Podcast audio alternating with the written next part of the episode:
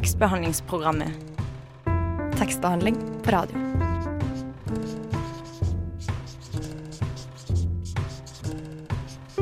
Tekstbehandlingsprogrammet.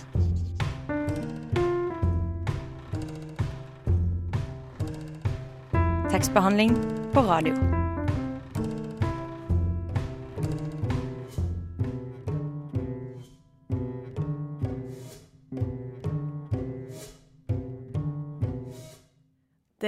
Onsdag formiddag, og det betyr at tekstbehandlingsprogrammet er tilbake i din eh, radio.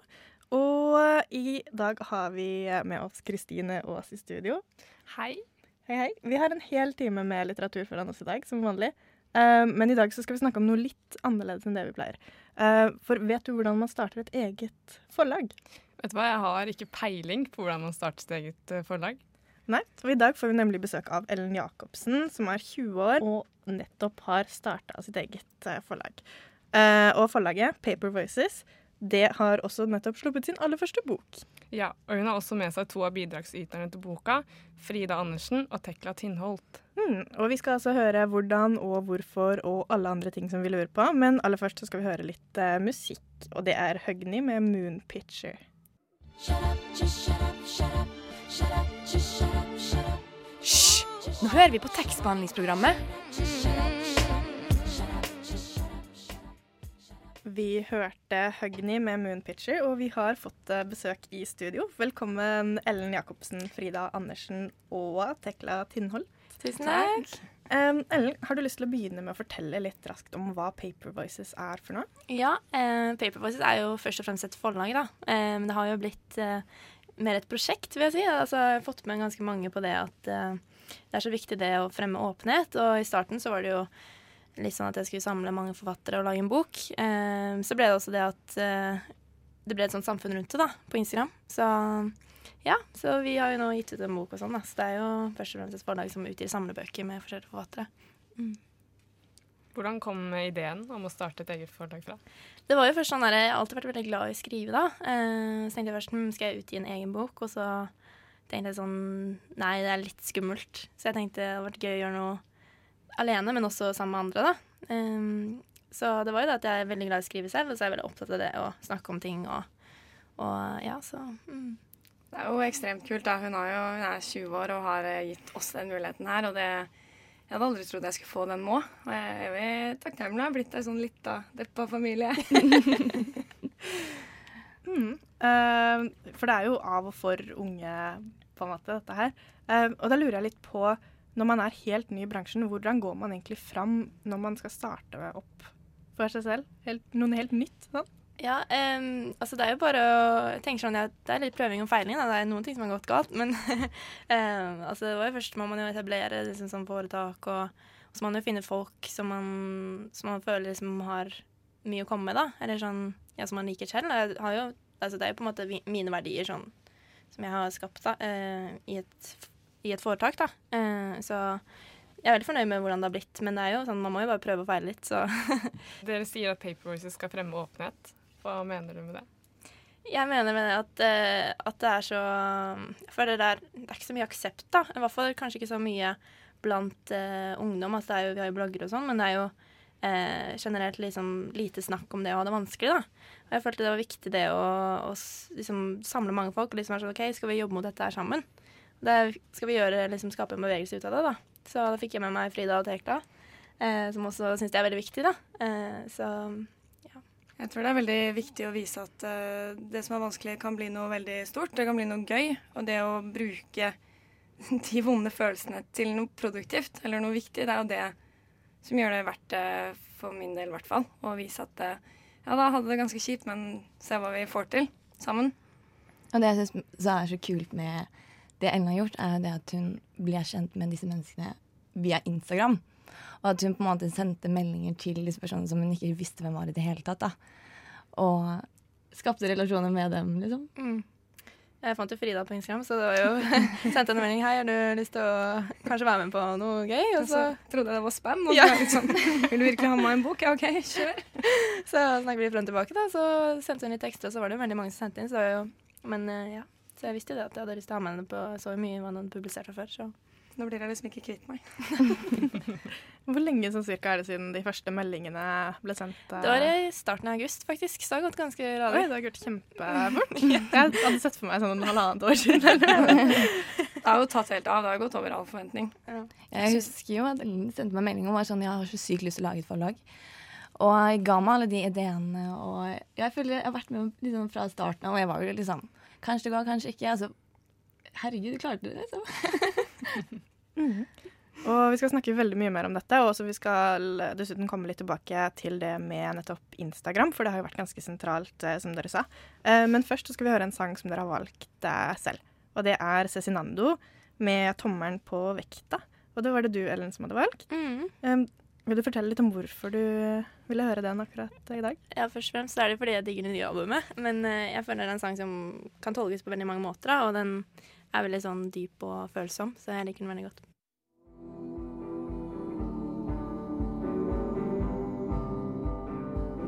Tekstbehandlingsprogrammet når du vil lese med ørene.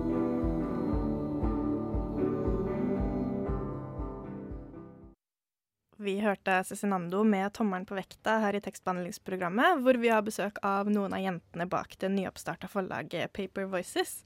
Uh, og de har jo nettopp gitt ut 'Tyngde', som er sin første utgivelse. Eh, og det er en antologi som du, Frida, har bidratt eh, til. Og du skal lese et lite utdrag for oss. Ja. Da er det bare å starte når du er klar. Eh, Den første heter eh, 'Til en jeg alltid har vært eh, glad i'. Jeg er litt forelska igjen. Ikke den type forelska, en annen type forelska. Forelska i et menneske uten å ville ligge med det. Kanskje bare kose på det litt, men ikke noe mer, heller ikke noe mindre. Ligge blir litt for mye, men å ikke ta på det i det hele tatt blir for lite, altfor lite, fordi det er så nært og varmt og kjent. Det lukter som den følelsen som når man er barn, for vi var barn en gang, du og jeg, sammen, sant? Det var vi som var barna, og nå er vi de voksne, og kanskje snart skal vi ha barn. Ikke sammen, men hver for oss, på hver vår kant, med hver våre egne mennesker, som vi er forelska i, den riktige type forelska. Og i mellomtida så vil jeg bare være med deg, snakke med deg, sitte inntil deg, nærme nok til at det lukter varmt og kjent, men langt nok unna til jeg husker at vi er voksne, og vi vokste fra hverandre, du og jeg. Kanskje vi har vokst sammen igjen, jeg håper jo det, tenk så fint da, å bare vokse sammen igjen. Helt av seg selv, kanskje det var meninga. Det kan jo hende at det var sånn her det skulle bli til slutt. Kanskje vi bare trengte å gro litt hver for oss, gro til alle kanter, plante røttene våre hos andre så de kunne passe på dem til de var ferdig utvokst. Og kanskje det er akkurat det de er nå, ferdig utvokst og klare for noe nytt, klare for noe gammelt, noe kjent og varmt. Likevel skjønner jeg at du ikke er ferdigvokst, og at jeg ikke er det heller, og at jeg kanskje ikke får være den eneste, men kan jeg få være en del av det, av deg, likevel? Så er det til en eh, som ikke kan gå fra meg. Du forsvinner fra meg, og jeg merker det. Tror ikke du at jeg merker det? Vi merker det, men ingen snakker om det i frykt for å skremme deg bort. Kanskje det var vi som skremte deg bort, men nå er du på vei vekk, og jeg hater det, for jeg savner deg, og det skulle være deg og meg, men nå er det han og deg. Og egentlig er det helt greit, til og med fint, for det er jo sånn det skal være, det er det de planla for oss, ønsket seg for oss, ba for oss om kveldene, hvis de var religiøse og trodde på sånt. Men vi trodde ikke på sånt, vi skulle bli annerledes, men kanskje vi ikke er det og aldri har vært det, og kanskje det er jeg som henger etter og du som har gått fremover. Kanskje jeg til og med har gått bakover, at det er jeg som har laga mellomrommet, trykket på knappen mer mellomrom, lenger bort, du og han, bare meg. Det kan godt få være deg og han, bare du er flink til å være bare deg også. Ikke miste deg sjæl og glemme hvor du kommer fra og alt du står for, og alt du drømte om da du var barn og misforstått. Kanskje det bare er jeg som merker det, og at eh, dette er normalt, og at det er jeg som ikke passer inn. Fordi du er så fin og lukter så godt og ler så mykt og lærer meg masse, så lærer jeg deg ingenting. Uansett så vil jeg at du skal vite at jeg prøver veldig hardt likevel. Ikke gå fra meg. Vil du fortelle litt om det du leste nå? Det, de to historiene handler om to eh, venninner av meg som jeg har kjent veldig, veldig lenge. Og litt med det at man blir voksen, og så forandrer ting seg. Det er jo så lett. Og jeg har alltid tenkt at altså, vennskap skal være det letteste å holde på å forholde seg til, egentlig. Men det har vist seg å være en av de vanskeligste tingene. Det å være i relasjoner og ha sine egne problemer. Og alle har litt større problemer. De blir jo mye større når man blir voksne. Og jeg syns det har vært veldig vanskelig å vite hvordan man skal behandle hverandre da, når, tiden, når åra går. Dere har sagt at dere har en visjon om å skape et samfunn rundt forlaget. Hva mener dere med det? Det er samfunnet at eh, det er viktig å være åpen og viktig å snakke om det. At det blir en litt mer normal ting, en litt mer allmenn ting. At det ikke skal være sånn at alle som har det fælt, bare skal gå og gjemme seg og gå til psykolog bak lukkede dører og ikke snakke om det, og at dette er skummelt og fælt. For det er det ikke. Alle har issues, da. Mm. Jeg tror det er liksom Man er så mange andre. Det er ofte man tenker det er noe galt med seg selv når man har det vanskelig. Eh, sånn snakker jeg av personlig erfaring, da. Men eh, også er det det at man, man, tenker kanskje at å, vennene mine har det ikke sånn, og, og mm, mamma og pappa vet kanskje ikke hvordan det her er, men eh, er det bare jeg som føler det sånn? Og det er så viktig at man vet at man ikke er alene, da. Så det også sammen om noe er jo kjempeviktig å vise at det er aksept for å, for å ha det vanskelig å snakke om det. Mm. det er jo ikke boka bare trist heller. Det er jo ikke på en måte det det handler om. Det handler jo bare om det å være menneske.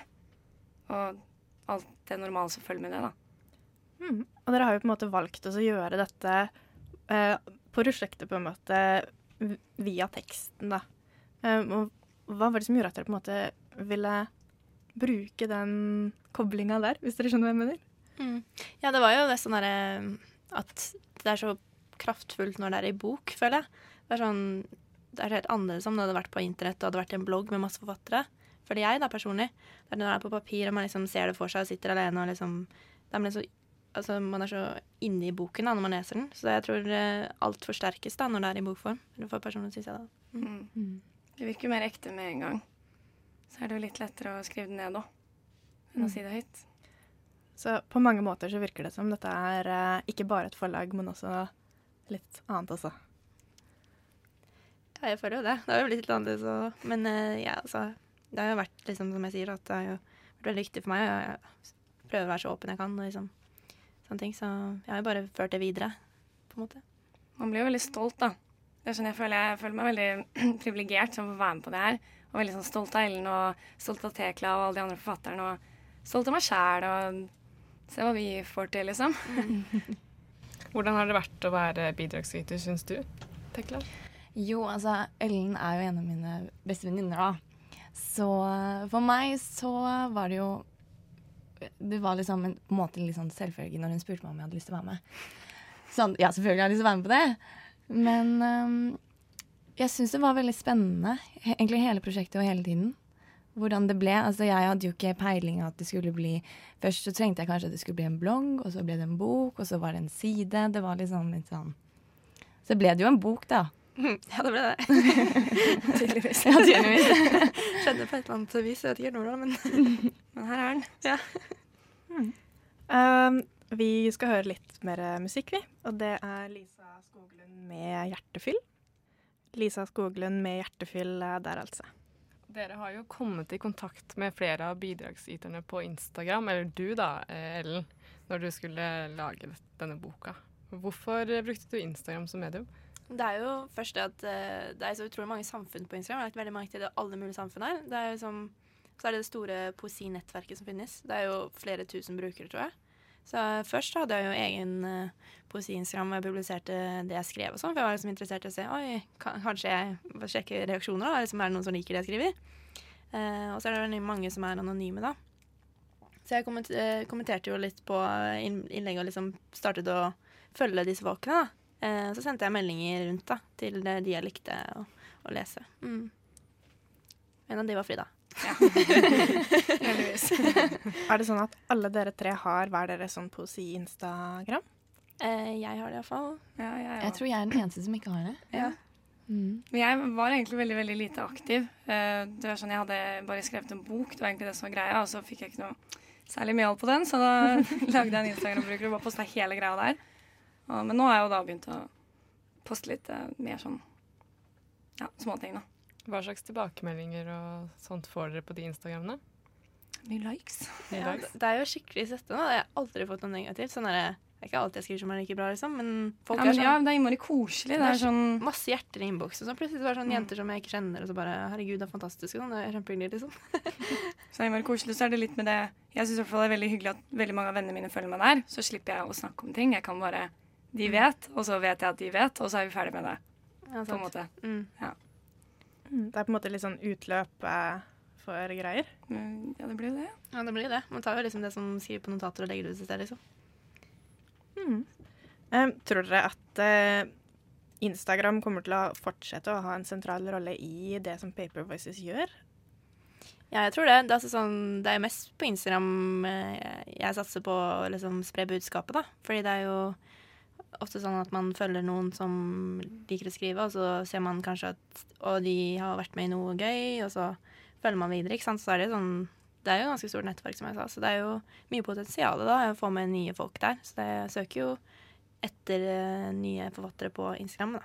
Det er jo der de unge er òg, da. Handler kanskje litt om det. At eh, jeg tror ikke vi sitter så aktivt på Facebook lenger. Og Instagram er jo Alle er jo der Mm, ikke for tida. Mm. Absolutt. Um, tror dere på en måte at um, poesien har på en måte blusset litt opp igjen pga. Instagram hos unge? Det var et veldig ledende spørsmål. Ja, men, jeg ja, men jo, det jeg. Jeg, jeg husker den ren poesiboka som kom Ja, fjor eller forfjor eller hva det var. Mm. Uh, og da husker jeg at jeg var sånn Å, dikt, det skal jeg begynne å lese igjen. Ja, og så er det liksom instapoet blitt Mm. et term, da. Altså, det er jo Det er blitt et uttrykk. Ja. Det er jo sånn mange som har mange flere tj- 20 000 følgere, liksom. Så fordi de bare publiserer små, korte setninger med poesi, da.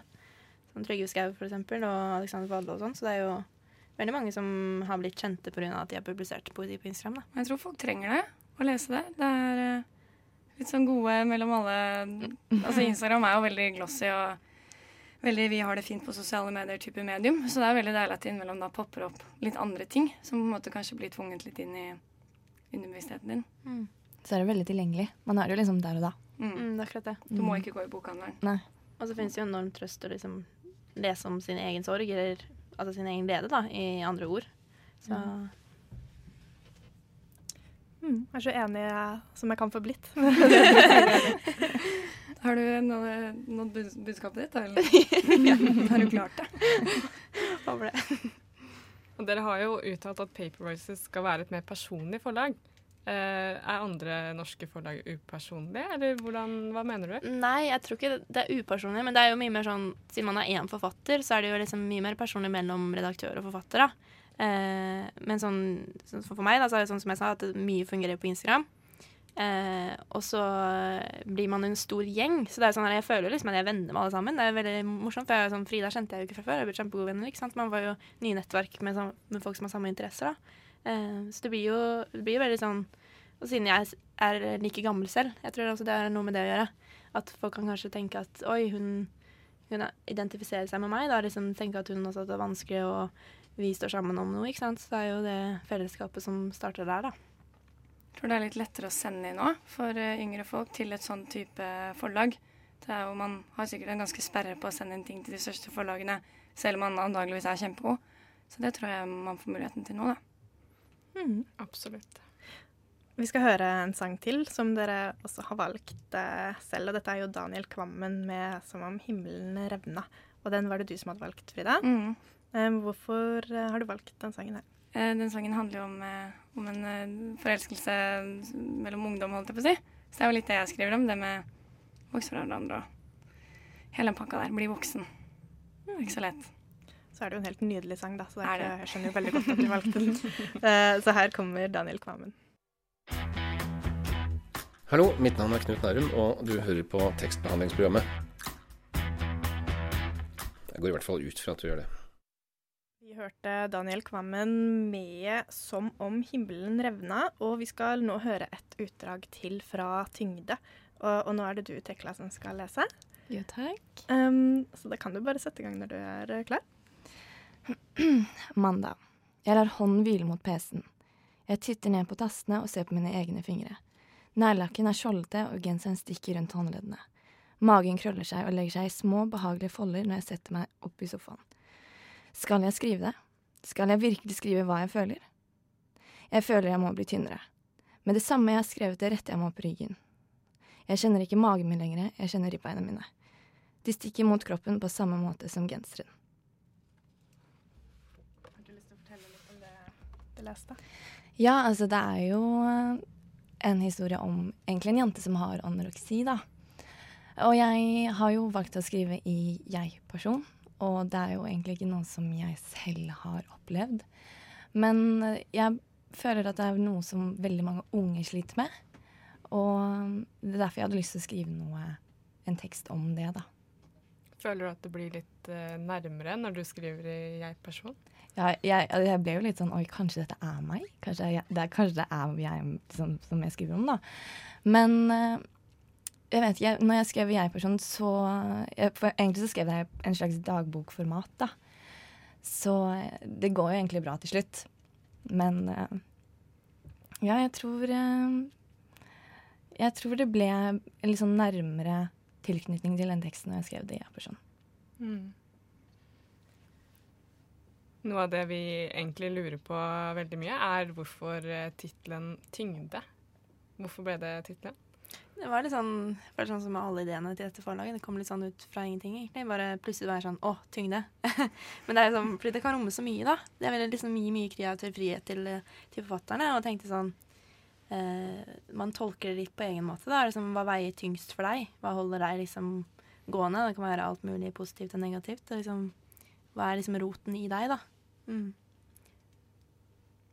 Var dere ute etter en spesiell type tekster til uh, boka? Eh, altså jeg ga veldig sånn stort rom da, for at man skulle tolke det som man ville. da. Så det er jo alt fra dikt til tankestrømmer til noveller. altså Alt mulig. Det er jo forskjellige dialekter og det er det som er litt fint. da, Det skal være litt sånn uredigert. Ikke det er redigert, men at det er litt sånn liksom Ikke sånn finpussa, da. At det skal være sånn én standard på alt. Og det er veldig mye forskjellig, da.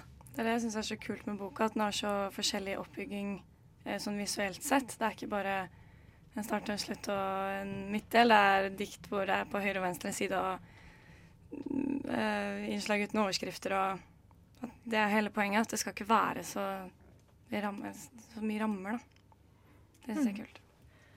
Og det er jo eh, en ting som er litt spesielt kanskje med Paper Voices, er jo at dere, dere gir på en måte mange unge muligheten til å gi ut tekstene sine, eh, som er en mulighet som de kanskje ellers ikke ville ha fått, da, i hvert fall ikke i så ung alder. Um, og da lurer jeg på Ser dere på en måte for dere å vokse sammen med disse eh, forfatterne og poetene deres, eller ser dere for dere å være på en måte en slags sånn stepping stone til andre forlag? Hvordan, hvordan ser dere på en måte på det aspektet der? Mm, Eller har dere ikke tenkt det? Det er litt sånn det, Litt tidlig, kanskje. Men eh, nei, jeg tenker sånn derre Jeg syns det er så fint det der, at det er liksom ikke sånn eh, At det skal være så veldig formelt, da. Liksom sånn derre at uh, det er så mange forskjellige forfattere, at det blir liksom et sånt samfunn rundt det. Men selvfølgelig så er det jo ikke sånn at man kan bli publisert uh, flere ganger. Man kan jo det, men uh, det blir jo selvfølgelig skifte av forfattere, da. Så det må jo være mye variasjon på hvem som blir publisert også, for det blir jo kjedelig hvis det er de samme som alltid skriver de samme bøkene. Så mm. det er jo Nå er det jo veldig mange nye også som kommer inn. Så får se hvordan det er nivå på de tekstene, og se om vi beholder noen, og om noen fortsatt vil være med og skrive litt mer. Får du mange henvendelser til folk som har lyst til å være med, eller? Ja, jeg har fått veldig mange, faktisk. Jeg har jo liksom sånn Altså tilbakemeldingen har jo gått over all forventning. Det er liksom, jeg får til og med meldinger fra folk jeg ikke kjenner, og voksne og liksom alt mulig. Eh, mange tuller med at 'å, jeg skulle ønske jeg var yngre, jeg skulle vært med sånn'. det er hyggelig, det. Men eh, nei, jeg har fått mange inn. Jeg liksom, tror jeg har fått inn sånn 15-20 stykker allerede. Og det er liksom frist i desember, så det er jo å si at det er mange som er interessert. Da. Så det er veldig hyggelig. Det er en stor pågang. Det er veldig kult. Uh, jeg tror, uh, tror på en måte ikke Ellen hadde blitt sint om forfatteren var sånn nei, nå vil jeg sende henne et annet sted. For jeg tror for henne da, og for forlaget så handler det kanskje om, ja, som du sa, en sånn stepping stone til å gjøre det du har lyst til, til å følge drømmen din. Og du kan begynne her hvis du vil det, og få den muligheten der, da. Ja, det er jo liksom sånn lavere krav, da, eller sånn. Føler jeg, da. Nei, i forhold til andre forlag. Det er, så, det, er så, det, liksom så, det er jo Jeg vet ikke hvor mange prosent som blir faktisk tatt inn, jeg. Det er kjempelite iallfall. Men det er jo For det er så stor pågang. Men ja, det er liksom et, et rom da for uh, plass, liksom, til alle. Mm, det er jo en litt fin tanke på en måte, det også, at det er mange som har noe på hjertet der som faktisk eh, er verdt å lese det, og selv om det ikke er de største og mest kjente forfatterne. Um, og vi skal komme litt uh, tilbake til uh, dette med framtida og hva som skjer videre og sånn også litt seinere, men først skal vi få en sang til. Det er Gulp med 'Morning Velvet Sky'. Vi hørte Gulp med 'Morning Velvet Sky', og vi har fremdeles besøk i studio av Ellen, hjernen bak Paper Voices, og Frida og Tekla, som er to av bidragsyterne til Tyngde, som er Paper Voices sin første utgivelse. Um, da lurer jeg på uh, neste bok eller utgivelse fra Paper Voices, kommer det til å bli samme type greie som Tyngde, eller blir det noe helt annet? Det blir det samme opplegg, da, at det er mange forfattere og sånn, så, men temaet blir annerledes. Det blir alltid et nytt tema. Så temaet her blir eh, med kjærlighet og relasjoner, da. Så det kan være veldig mye. Det tolkes på mange måter. Så det er ja, ganske stort tema. Jeg vet ikke helt hva tittelen blir ennå, men eh, får vi se. Har dere allerede begynt å samle inn tekster Ja. neste gang? Ja. Eller eh, innsendingsfristen er jo i desember. Så vi har jo mye, begynt å se på mye allerede, da. Så det er spennende. Se Har dere levert noe? Jeg har sendt inn, men uh, Ja, nei, den, den gangen her måtte jeg skrive litt sånn fiksjon, faktisk. For det, det er litt vanskeligere å grave etter de følelsene, kanskje. Ja, mine, jeg tror jeg kommer til å bli helt fiksjon. Mest sannsynlig. Det er bra, alt er fiksjon, Skal ikke snakke om kjærlighet annet, men det gjør vi ikke. Fikk dere ut alt dere hadde på hjertet ved første, Jeg tror jeg er tom runde? igjen. Jeg har ikke mer. Har ikke mer å gi. Men da, det er litt fint å høre. Hvis det er noen som hører på som har en spire i magen, så kan de også sende inn det. De har god tid på seg ennå. Hvordan er det du ser for deg framtiden til Paper Voices? Jeg vet ikke helt. Jeg er liksom jeg tror vi må se litt hvordan det går, men eh, jeg- det har jo bare gått oppover. Det er jo over all forventning. Så det er jo Jeg tror det blir veldig spennende å se videre hvordan eh, det kan utvikle seg, da. Mm. Tror det blir kjempebra. Det blir kult, og dere er jo inne på noe, og jeg tror absolutt dere har eh, tatt tak i noe som eh, det var et lite behov for. Det er jo tydelig i og med at dere får så veldig mange henvendelser. Um, og det var vi jo litt inne på i stad, dette med Instagram, at dere har deres Instagram-kontoer hvor dere sender dikt. Så nå skal jeg huske å spørre dere hva Instagram-kontoen deres er, så kan vi gå inn der og lese diktene deres senere. Ja, altså min heter jo Ellens tekst. Det er jo veldig originalt, da. ikke, ikke veldig Rett fram, lett å finne. Ja, jeg kalte min for eh, asfaltkunst, og det, det vet jeg ikke hvorfor, men Jeg eh, liker den veldig godt. Den er kult. ja da. Ja. Du burde lage en Instagram-tekla. Ja, nå, ja. Du burde hatt den nå, vet du. Tekla mangler, så Ja. det så hvis noen der ute melder seg frivillig til å lage hennes. Er det nå vi skal si at vi har tekstbehandlingsprogrammet? Ja, det har vi bare å følge. Neida, men det har vært veldig veldig hyggelig å besøke dere. Det er veldig spennende å se hva som kommer framover også. Vi gleder oss masse. Um, og så skal vi avslutte med en siste sang som dere har valgt eh, selv. Og da er det deg, Tekla, som har valgt uh, Fay Villhagen med 'Into the Woods'. Mm -hmm. uh, hva var grunnen til det? Egentlig så syns jeg bare sangen er helt nydelig. Og så er det jo også teksten som handler om det å takle stress. Noe jeg synes eh, boken 'Tyngde' har jo veldig mye te stress som tema, da. Så det passer jo kanskje litt bra. Eh, og da sier vi tusen takk for at dere ville komme i dag. Det har vært uh, kjempefint. Tusen og takk for at du kom. masse lykke til videre. Jeg sa det litt tidlig. Så sier vi uh, ha det med Fay Villhagen og 'Into the Woods'. Hallo, Chartersveien her. Jeg passer jaggu meg inn i tekstbehandlingsprogrammet også. Jeg syns at døra bør stå på gløtt. Tekstbehandlingsprogrammet holder døra oppe for alle. Lar du døra di være litt åpen? Tidligere i høst dro vår reporter Ingrid på Øyafestivalen for å spørre folk om pensumlitteratur. Eh, og det tenkte de veldig lite på der og da. Eh, vi antar vel egentlig at pipa har en ganske annen lyd nå som det er eksamenstid. Og derfor så tenkte vi at vi skulle gi dere et uh, lite gjenhør til gladere tider. Nå er jeg på Øyafestivalen, og her er det stemning, og folk koser seg med musikk og øl. Men snart er det studiestart, og jeg lurer på hva festivalfolket tenker om pensumlitteratur. Kan jeg stille deg noen spørsmål om pensumlitteratur? Har du tenkt på det ennå? Eh, nei. Jeg er litt sommerferie ennå. Lurer på hva er den verste pensumboka du har vært bortpå? Jeg tror ikke jeg husker navnet engang. Eh, det var i hvert fall en bok av Wolfgang Iser. Jævlig tørr. Jævlig slitsom. Uh, vi var sånn 20 stykker som måtte dekryptere den. Uh, ja. Hvordan kom dere dere gjennom den boka? Eh, vi tok for oss eh, hvert vårt kapittel og oversatt fra engelsk til forståelig norsk. Eh, veldig forståelig norsk. Brukte en del tid på det, og så kunne vi ta i bruk pensum. Hva ville du ha sagt til forfatteren bak den boka? Er det noen tips du ville ha gitt den til hvordan den ville ha blitt mer forståelig? Han snakka veldig mye om eh, leserens opplevelse av tekst, så jeg ville kanskje minnet den om at det faktisk var en leser på andre sida av teksten hans. Litt tydeligere overganger, eh, litt eh, enklere språk, egentlig. Tror du pensumforfattere skriver litt sånn med vilje for å være slem? Ikke for å være slem, men eh, jeg tror nok man er litt navlebeskuende og bader litt i egen eh, skal jeg si, arroganse av og til, kanskje. Andre tror jeg bare er helt inni det språket og ikke skjønner at ikke alle andre også er det. Hva er den beste pensumboka du har lest, da? Ja, beste vet jeg ikke helt, men det er en bok jeg returnerer til en del. Det er 'Studying the Novel' eh, av eh, foreleserne mine på NTNU. Jeg husker ikke helt eh, hva den het, men den var veldig ålreit. Hva er det som gjør det til en god pensumbok, da? Den er veldig oversiktlig, har eh, begrepsforklaringer, og det er lett å orientere seg rundt i boka.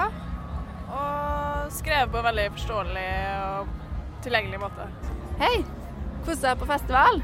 Det gjør jeg. Er du student? Nei. Har du vært student? Det har jeg. Jeg lurer litt på um, pensumlitteratur. Hva er ditt forhold til det? Er det en pensumbok som står igjen som den eh, verste? Ja, vi hadde en sånn eh, stor bok og murstein, men den klarte jeg aldri å komme meg gjennom. Men eh, prøvde å lese litt av den og møtte opp på eksamen. Tror det gikk greit. Hva ville du ha sagt til de forfatterne bak den boka? Skrive litt mindre. Være mer tydelig.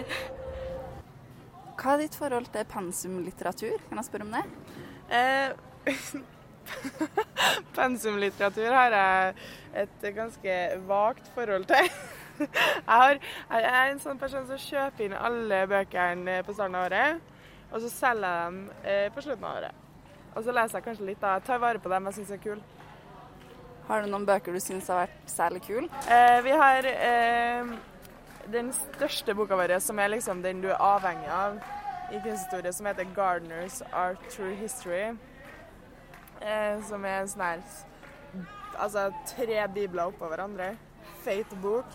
Og den har jeg bladd litt i, så det var jo lænt. Og så er det en bok som heter Harrison, tror jeg. Eller den heter ikke Harrison, den er skrevet av en fyr som heter Harrison, tror jeg. Ikke helt sikker. Men den er en sånn her Den heter An Introduction to Art, og den er veldig kul, fordi der får du en introduction to art. Han syntes at det var veldig trist, fordi han så elevene sine eh, bare stå inne på kunstgalleriene og se på kunsten, og ikke få noe ut av det. Fordi de følte at det var for stort for dem. Jeg føler ikke det her. Jeg, kunst, hva faen er kunst, liksom? Hva er det her eh, prikken som jeg ser på veggen?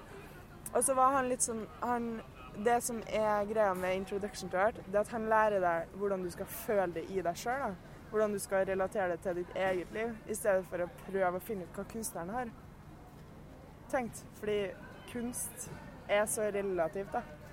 Det er så avhengig av hvordan du har vokst opp, hvordan du har Altså hvilke venner du har. Alt sånn her. Det, det er så sykt relativt. Altså, folk føler så mye forskjellig. Så den boka er jævlig kul. Hei, du sitter utafor biblioteket her på Øyafestivalen, så jeg regner med at du leser mye bøker, kanskje? Stemmer det? Eh, jeg leser ikke så mye jeg er her fordi jeg jobber som fotograf på Øya, så jeg må være her. Ja. Har du studert noe for å bli fotograf? Eh, ja. Det har jeg. Eh, da lurer jeg litt på med pensumlitteratur. Hva er den tyngste boka du har måttet vært igjennom? Vi hadde egentlig ikke noe pensum. det var veldig fritt, det var kunstfoto, så det var, det var ikke noe pensum. Heldig der, altså. Vi hørte Sassy 009 med Pretty Baby, og sendingen går mot sin slutt. Hør gjerne podkasten vår på Soundcloud eller iTunes, og hør på neste onsdag klokka ti når vi er tilbake her på Radio Nova. I studio i dag var meg, Idun Sververud. Meg, Kristine Aas. Og tekniker var Joakim Foss Johansen. God onsdag. God onsdag.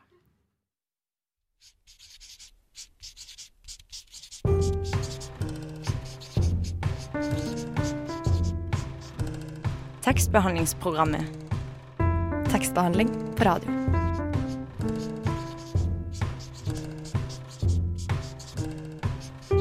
Tekstbehandlingsprogrammet